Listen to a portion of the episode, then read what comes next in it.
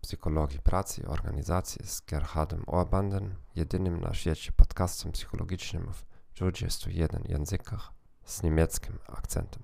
Jeśli jesteś studentem lub profesjonalistą, ten podcast pomoże Ci odświeżyć swoją wiedzę w tygodniowych porcjach nie dłuższych niż 5 minut. Uczę psychologii w Europie Południowo-Wschodniej i pracuję jako konsultant od ponad 14 lat.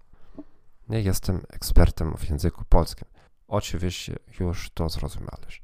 Bądź cierpliwy ze mną, ale obiecuję, że będę coraz lepszy z każdym nowym odcinkiem. Dziś porozmawiamy o wzbogaceniu pracy, terminie wymyślonym przez Fryderyka Herzberga. Celem wzbogacenia pracy jest uczynienie pracy dla pracownika bardziej znacząco i wymagająco, tak aby był on bardziej zadowolony. Jest to istotne, zwłaszcza gdy firma nie ma wystarczających środków, aby zawsze podnosić pensje lub awansować wszystkich pracowników na wyższe stanowisko. Zobaczmy, co Herzberg i jego koledzy zrobili podczas jednego ze swoich wstępnych badań w brytyjskich firmach chemicznych. Uczestnikami byli technicy laboratoryjni. W przeciwieństwie do prawdziwych naukowców musieli wykonywać tylko rutynowe prace laboratoryjne i nie było dla nich prawie żadnych dalszych możliwości zawodowych. Oto, co Herzberg i współpracownicy zrobili w grupie eksperymentalnej.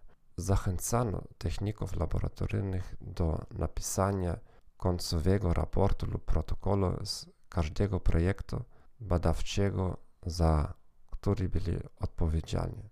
Byli zaangażowani w proces planowania projektów i eksperymentów. Dano im czas na zrealizowanie własnych pomysłów. Posiadali uprawnienia do zamawiania materiałów i sprzętu. Bardziej doświadczeni technicy byli odpowiedzialni za szkolenie personelu i brali udział w rozmowach kwalifikacyjnych na stanowiska asystentów laboratoryjnych. Wzbogacenie miejsca pracy różni się od innych działań mających na celu przeprojektowanie miejsca pracy.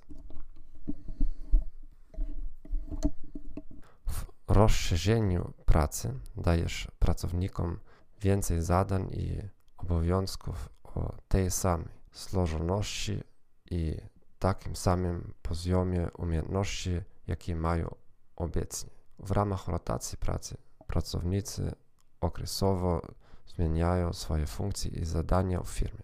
Pomyślmy o Twojej pracy.